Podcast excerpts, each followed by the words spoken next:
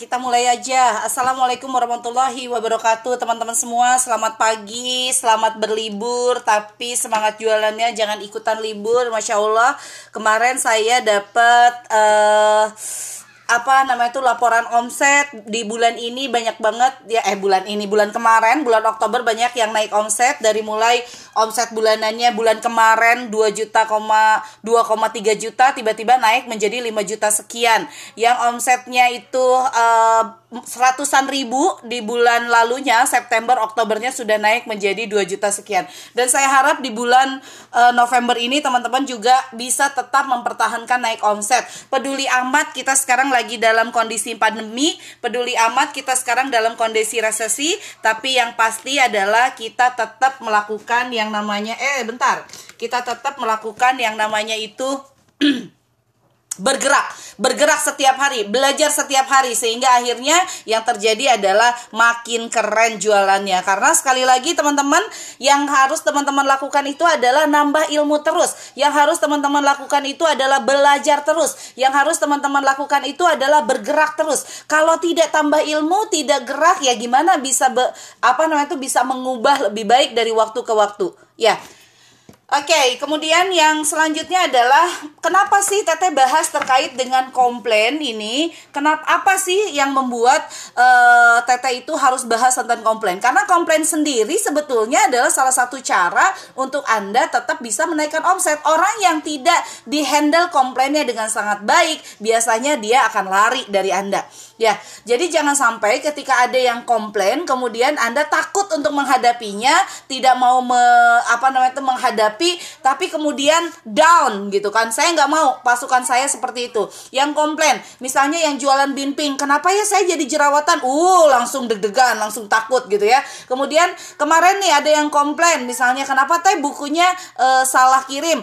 langsung gitu kan e, berdebar-debar atau langsung marah sama bagian pengiriman enggak ada yang namanya salah yang namanya kesalahan itu adalah miliknya manusia yang namanya hilaf itu adalah miliknya manusia tetapi bagaimana cara kita mengubah dari hilaf dari salah menjadi lebih baik. Yaitu kita harus mengelola yang namanya komplain.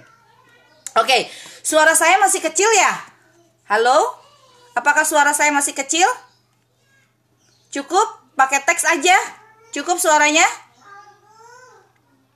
Okay. teh terus gimana teh? Eh, yang harus dilakukan oleh kita ketika ada yang komplain. Apalagi komplainnya itu misalnya eh, nyerocos nyelekit banget ke hati. Kepengennya nangis kalau misalnya kita dapetin komplain dari beliau. Bahkan ada orang yang berkali-kali beli kemudian berkali-kali komplain. Nah jadi yang harus dilakukan oleh anda itu adalah pertama menyiapkan hati. Sebelum komplain itu datang siapkan hati bahwa iya saya siap dengan apa pun yang terjadi. Biasanya semakin besar uh, omset yang Anda dapatkan ya ada aja komplainnya. Komplainnya mungkin semakin bertambah. Karena Anda handle semakin banyak orang dengan tingkat kepuasan yang berbeda-beda satu sama lain. Sehingga yang harus Anda lakukan adalah siapkan dulu hatinya. Saya menerima hal yang baik termasuk saya juga menerima hal yang buruk dalam bisnis ini. Saya menerima kritik, menerima saran, juga menerima pujian. Mungkin ada yang memuji Anda, tapi juga tidak jarang kemudian ada yang mengkritik Anda dengan produk yang dijual. Apaan produk kayak gini? gitu kan yang kayak gini dijual wah apaan saya bisa beli di mana aja dan lebih murah? Aduh kayaknya nyelekit ke hati. Ada juga yang bilang kayak gini ketika saya mengubah gitu kan uh, guidance book dari yang berwarna menjadi yang uh, hitam putih apaan ini mah fotokopian doang gitu kan nyelekit nggak ke hati. Ah saya mah udah biasa gitu. Jadi saya santai aja gitu kan. Bahkan ada yang bilang sebenarnya kalau packaging uh, produknya Teh Indari biasa aja gitu kan. Hitam putih gitu kan. Tetapi yang penting adalah esensi di dalamnya. Jadi saya udah biasa kalau misalnya ada yang bilang ada yang bilang itu mah cuma fotokopi doang apaan? gitu kan. Nah tetapi gitu kan orang yang lebih puas dengan produknya kita juga banyak gitu kan. Mereka ketika membaca bukunya kita kemudian mereka terinspirasi dengan produk yang kita jual. Jadi siapkan hati itu bukan hanya siap untuk pujiannya, tapi siap juga dengan kritikannya, siap dengan orang yang akan nyelekit e, kata-katanya dan bikin kita itu sebenarnya jadi, ah kalau gini mah aku takut ah jualan lagi. Contoh lagi, ada komplain karena barang atau guidance booknya nggak nyampe-nyampe, katanya kayak gitu. Ternyata memang e, e, keselip. Ada juga yang memang uh, kesalahannya dari ekspedisi. Tapi udah gitu ngomel gitu kan. Ah kalau kayak gini mah aku nggak mau jualan produk inskrip lagi. Aku jadi nggak enak nih sama pelanggan. Terus kalau misalnya ada masalah kita berhenti gitu untuk jualan? Ya enggak lah. Justru sebetulnya yang harus dilakukan oleh teman-teman adalah bergerak lagi. Ih, apa yang harus saya lakukan ya ketika menerima kritik dari teman-teman. Makanya kalau di inskrip itu ketika menerima komplain, saya uh, mulai nih diskusi sama leader terkait dengan komplain dan di komplainnya itu di uh, share di dalam grup. Saya selalu bilang setelah saya bahas komplainnya, kemudian saya bilang kepada leader bahwa silahkan sekarang orang yang komplain itu masukkan ke order nanti ordernya itu ada ordernya itu khusus untuk orang yang komplain. Setelah ordernya itu uh, uh, dia diinput di order, orang yang komplain itu akan dapat hadiah dari kita. Ya, jadi nanti teman-teman boleh banget kalau misalnya ada yang komplain nih pasukan 10 juta, langsung diinput di order sama leadernya nanti yang komplain itu akan dapat hadiah dari kami. Ya, dari kita kirim hadiahnya gitu. Dia masih ngomel-ngomel, dia masih belum puas, tapi tiba-tiba twing ada hadiah datang. Atau kalau terlalu lama untuk mendapatkan hadiahnya, teman-teman bisa juga dengan menggunakan pola yaitu yaitu bagi-bagi ibu. Ibu sangat banyak, teman-teman bisa aduh sayangku maafkan ya kalau tidak puas dengan belanjamu kemarin gitu ya. Maaf banget. Tapi mudah-mudahan ya ibu ini bermanfaat. Ini aku kasih ibu ya sebagai uh, ucapan terima kasih. Ingat, orang yang komplain itu harus diucapkan terima kasih. Loh, kok terima kasih teh? Iya, terima kasih karena dari komplain itu biasanya ada perubahan lebih baik di perusahaan. Komplain bisa apa saja. Bisa karena kita misalnya lambat dalam pengiriman, bisa karena kualitas produk kita, bisa tentang apa saja. Tetapi komplain itu adalah sesuatu yang akan menyempurnakan langkah kita. Ya. Yeah. Ada nggak di sini pasukan saya yang kalau dikomplain kemudian malah deredek dan kemudian uh, takut untuk uh, ketemu lagi dengan uh, konsumennya? Padahal sebetulnya tidak. Konsumen secerewet apa pun adalah harta karun kita. Konsumen senyelekit apa pun kata-katanya, dia tetap kita jaga. Terkecuali terkecuali ada tipe-tipe konsumen yang dia itu tidak pernah puas sama sekali. Bahkan ketika sama kita dikasih hadiah, dia itu malah tambah marah-marah. Kira-kira kita mau mempertahankan konsumen seperti itu atau tidak? Kalau saya tidak. Menjadi konsumen tidak, menjadi teman iya. Jadi boleh saja kita lepaskan dia jadi uh, konsumen. Ketika dia misalnya nih beri tiga kali, kritik tiga kali, terus komplain tiga kali, nyelekitin hatinya juga tiga kali. Ketika kemudian dia mau membeli lagi ke kita, Mbak, mau nggak kalau saya kasih teman saya yang juga jualan produk yang sama. Ah enggak, saya mau beli sama Mbak. Ah saya mah uh, apa namanya tuh kasih Mbak Ibu aja. Mbak boleh ke teman saya kalau kita benar-benar tidak sanggup untuk menghadapi orang tipe komplainan seperti itu. Tetapi kalau kita sanggup, masya Allah, itu mah bagus, gitu ya. Berarti artinya kita harus menambah jumlah maklum kita. Ya, Oke, okay, uh, eh, di sini ada yang sudah pernah menerima komplain dan bisa menyelesaikannya. Acungkan tangan. Silakan buka videonya dan kemudian cerita kepada teman-teman yang ada di sini. Silakan acungkan tangan. Ayo berani bicara. Saya justru bingung teh kalau tidak ada respon karena nggak tahu perasaan si pembeli. Ya kalau begitu tanyakan. Kita tidak bisa menunggu pembeli untuk memberikan respon, tapi kita yang harus cari tahu responnya seperti apa. Ya, silakan yang pernah e, dapat komplain kemudian bisa menyelesaikan komplainnya, tapi kemudian si pelanggannya datang lagi dan datang lagi. Oke, Mbak Nungki, silakan Mbak Nungki cerita. Buka mute-nya. barangnya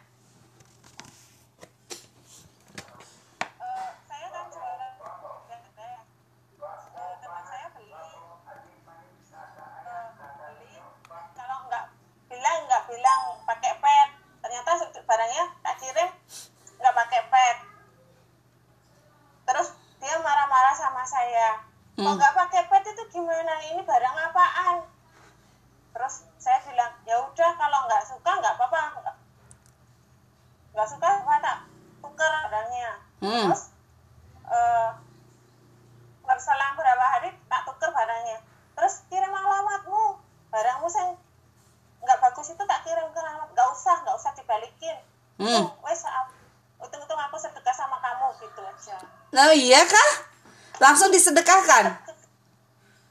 Iya. Masya allah. Langsung. Ada itu barangnya kasih siapa sama orang kalau kamu nggak suka barangnya itu gitu aja. Nggak usah hmm. dibalikin sama aku nggak apa-apa aku. Setelah itu gimana? itu barangnya. Setelah diberitahukan kita gitu? tetap bertemanan. Berteman dan dia beli lagi? bertemanan bareng oh. Belum belum beli lagi tapi pertimbangan nanti beli lagi gitu Oke, oke, thank you. Teman-teman, ini juga sering terjadi ya di inskrip. Waktu itu kami pernah mengalami yang namanya itu eh apa ya? eh gagal cetak itu sampai nilainya itu lebih dari 30 jutaan. Tapi itu sudah terkirim barangnya kepada para penulis. Jadi penulis itu kemudian begitu buka itu kurang satu halaman, itu adalah salah satu gagal cetak. Apa yang saya lakukan? Saya sedekahkan senilai 30 juta lebih. Silahkan penulis sedekahkan di lokasinya masing-masing. Kami akan cetak kembali. Itu baru di bulan Oktober kemarin. Da- kami akan cetak kembali dan kami kirimkan sampai selesai semua bahwa eh, dia mendapatkan eh, orderan sesuai dengan eh, pesanannya. Nah itulah teman-teman ada ada karakter-karakter yang seperti itu yang kita nggak mau eh, sebetulnya itu memang kesalahan kita dan ya sudahlah kita sedekahkan saja. Dibandingkan kalau saya mikirnya gini aduh kayaknya nanti bakalan lebih ribet juga. Kalau itu dibalikan ongkos kirim juga jadi besar. Lebih baik kalau sedekah ongkos kirim mah ya udahlah gitu kan. Sudah tidak ada ongkos kirim tapi lebih lebih berkah. Apa yang terjadi teman-teman? Banyak sekali hal yang saya dapatkan dengan kata sedekah. Jadi kalau kita ngomongin tentang sedekah banyak caranya banyak polanya. Eh, apa namanya tuh? Eh, di gudang kita banyak sekali produk yang tidak eh, laku gitu itu bisa kita sedekahkan. Dan apa yang terjadi setelah disedekahkan? Masya allah ide-ide itu langsung turun.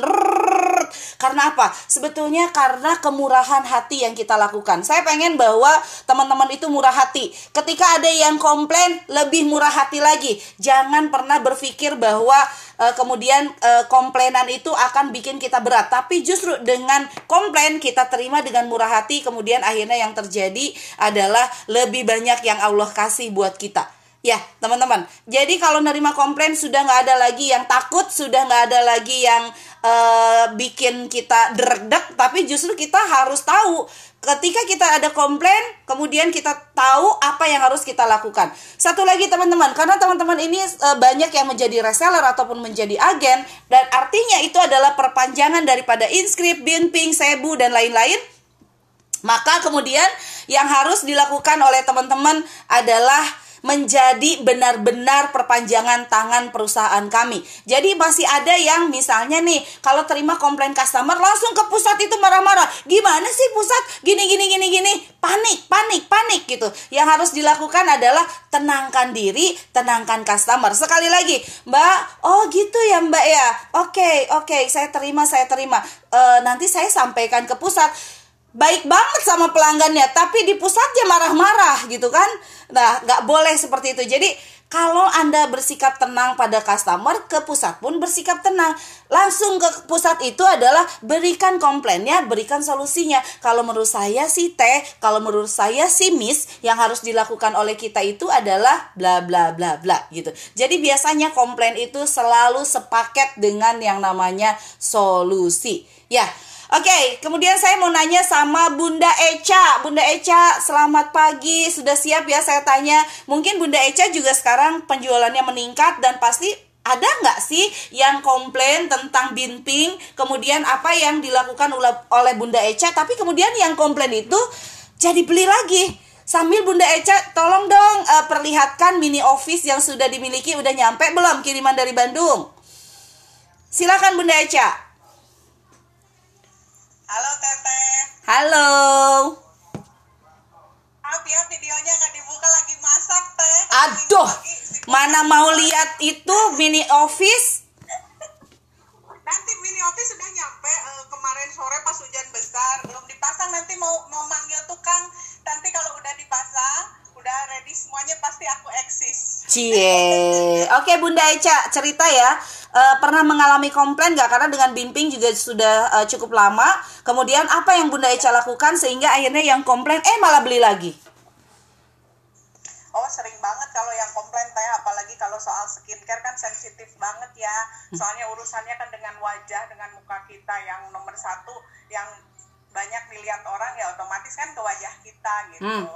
Nah saya, selama di Binping itu dari mulai dropshipper reseller sama agen itu eh, kurang lebih mau 10 bulan teh. Mm-mm. kurang lebih mau 10 bulan. Nah komplain-komplainnya itu uh, ada yang apa namanya itu kebanyakan kan yang pakai uh, binping itu sebelumnya pernah pakai krim yang nggak jelas. Hmm. nah seperti itu. Jadi uh, ngepek gitu ya ada efek. Begitu pakai binping misalkan uh, salah satunya ada di sini uh, teman kecil saya. Dia seperti uh, apa ya iritasi gitu teh. Seperti yeah. iritasi gitu.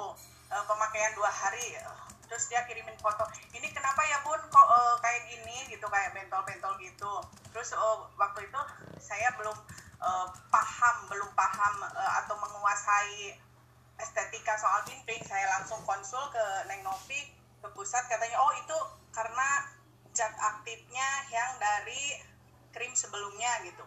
Terus saya layanin uh, tapi saya nggak nggak uh, nggak merasa puas di WA saya temuin saya langsung ke rumahnya saya temuin uh, langsung ke rumahnya saya ngobrol-ngobrol di, dijelasin kalau itu bukan dari binping seperti itu tapi itu dari krim sebelumnya dan uh, dia memperlihatkan krim sebelumnya yang dia pakai sebelum pakai binping ya ternyata krim abal-abal gitu dan akhirnya setelah dijelasin terus saya kasih testi terlebih muka saya sendiri ya alhamdulillah akhirnya sekarang oke okay banget mukanya pakai hmm. binping Oke, okay. dan sekarang jadi dia terus-terusan pakai binping aja ya?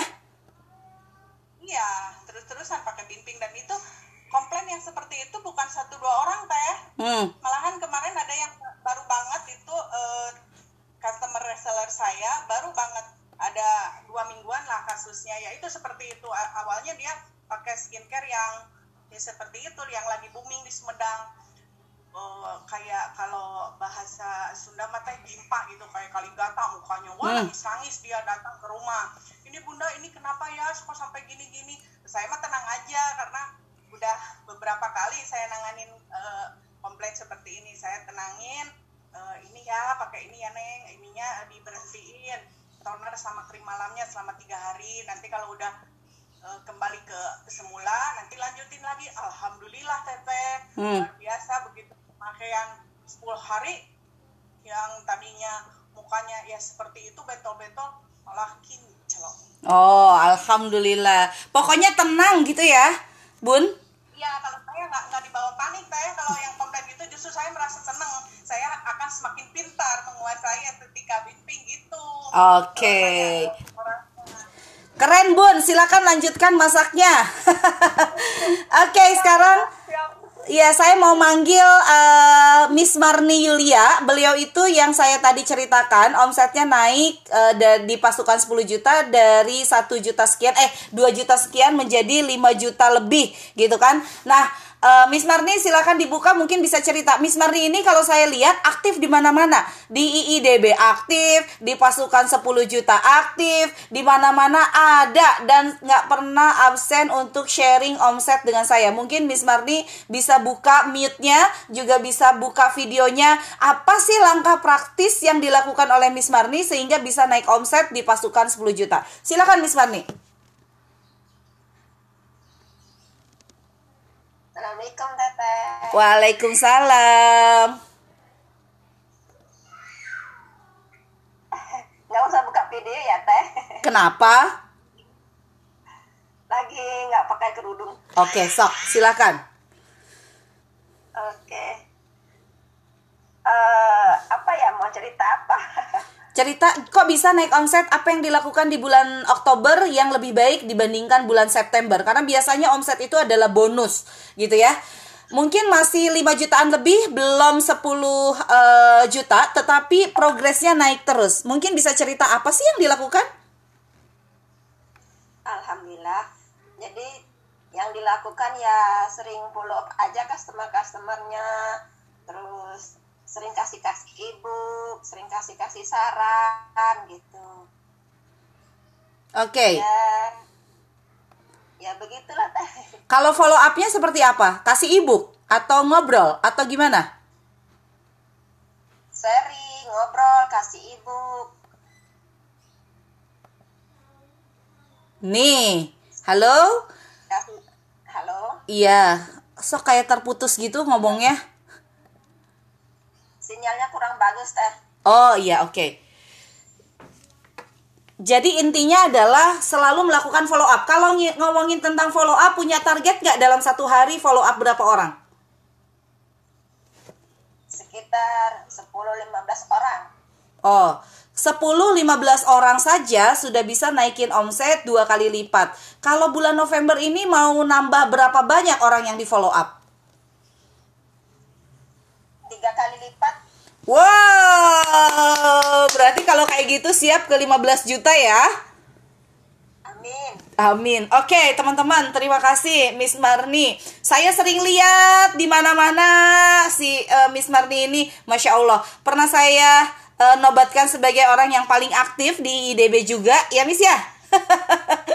Terus kemudian di pasukan 10 juta juga pokoknya keren aktif di mana-mana. Ternyata kuncinya adalah follow up. Kalau di uh, kuni kita namanya adalah canvassing. Jadi orang yang like, komen itu kita inboxin, kita WA-nya juga dijalanin. Kemudian itu juga yang saya lakukan sekarang di Telegram. Jadi Telegram saya itu sekarang sudah mulai lihat yang aktif atau yang sudah lama tidak interaksi dengan saya sudah mulai saya follow upin. Gitu kan salah satunya adalah dengan memberikan ebook. Mungkin sebagian teman-teman di sini ada yang dapat saya kasih ebook lagi. Nah, itu adalah salah satu pola untuk uh, melakukan connecting kembali. Saya kemarin baca di Kompas, hal yang paling kuat yang harus dilakukan di masa resesi ini adalah memperkuat koneksi, memperkuat connecting, connecting people. Karena powerful yang paling besar itu adalah people, bukan apa-apa lagi. Semakin banyak orang yang kita uh, terkoneksi dengan kita, insya Allah hasilnya akan semakin bagus. Dan sekali lagi, kalau kita ngomongin tentang komplain,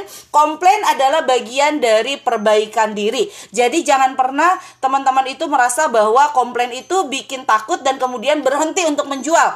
Tapi komplain itu harus ditangani, didengarkan, kemudian dengan kepala dingin pasti bisa memberikan masukan kepada uh, orang yang memberikan komplain dan orang yang kemudian menjadi vendornya kita. Siapa itu? Ya Binping, ini Juslam, Inscript dan lain-lain itu adalah bagian daripada perusahaan yang akan bertumbuh seiring dengan adanya komplain baru. Kita akan bertumbuh karena kritik, bukan bertumbuh karena pujian. Jadi teman-teman siapkan diri untuk selalu uh, apa namanya tuh uh, siap dengan yang namanya kritik. Oke, pertanyaannya satu kali karena saya sebentar lagi akan uh, ada Zoom untuk para penulis. Tapi boleh nanya nggak? Saya kan baru gabung di Inscript untuk naik omset sehari antara kenalan orang baru dan follow up berapa banyak? Omset satu bulan pertama kemarin di bulan Oktober 370 ribuan.